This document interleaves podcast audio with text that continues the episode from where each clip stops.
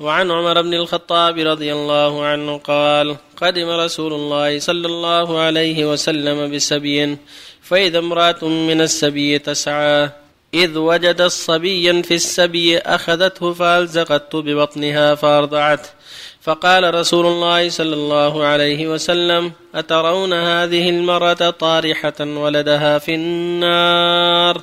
قلنا لا والله. فقال لله أرحم بعباده من هذه بولدها.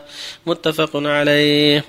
وعن أبي هريرة رضي الله عنه قال قال رسول الله صلى الله عليه وسلم لما خلق الله الخلق كتب في كتاب فهو عنده فوق العرش. إن رحمتي تغلب غضبي. وفي رواية غلبت غضبي. وفي رواية سبقت غضبي. متفق عليه.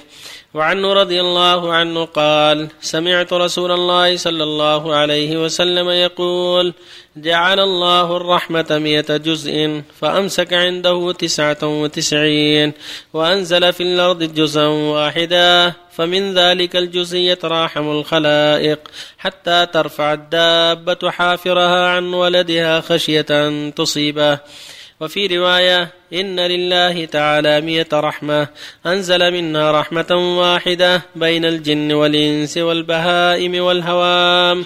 فبها يتعاطفون وبها يتراحمون وبها تعطف الوحش على ولدها وأخر الله تعالى تسعا وتسعين رحمة يرحم بها عباده يوم القيامة متفق عليه.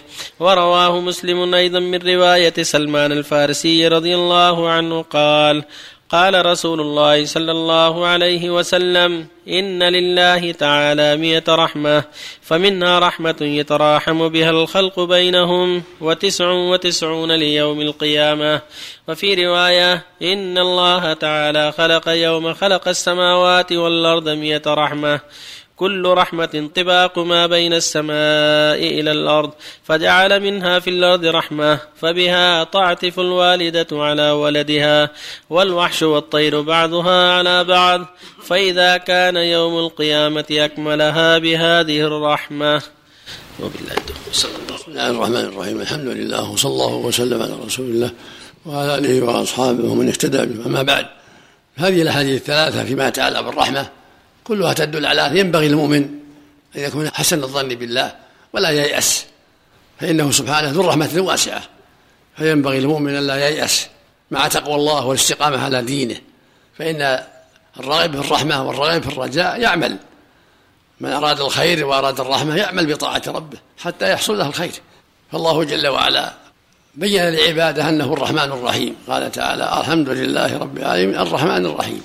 وقال تعالى ورحمتي وسعت كل شيء فسأكتبها للذين يتقون ويؤتون الزكاة والذين هم بآياتنا يؤمنون.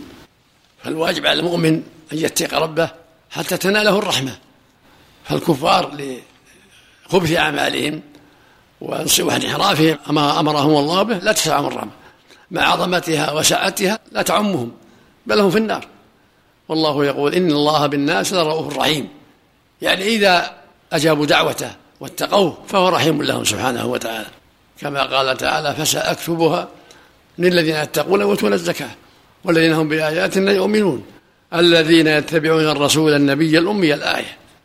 فالواجب على من أراد الرحمة أن يتقي الله وأن يراقب الله وأن يحذر محارم الله وأن يقف عند حدود الله.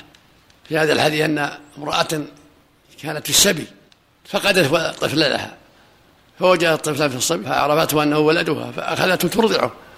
فقال لهم النبي أترون هذه طالحة ولدها في النار؟ قالوا لا. قال فالله أرحم بعباده من هذه بولدها. يعني بعباده متقين له. وهكذا الحديث الآخر. إن الله جل وعلا كتب في كتابه عنده قارش إن رحمتي سبقت غضبي.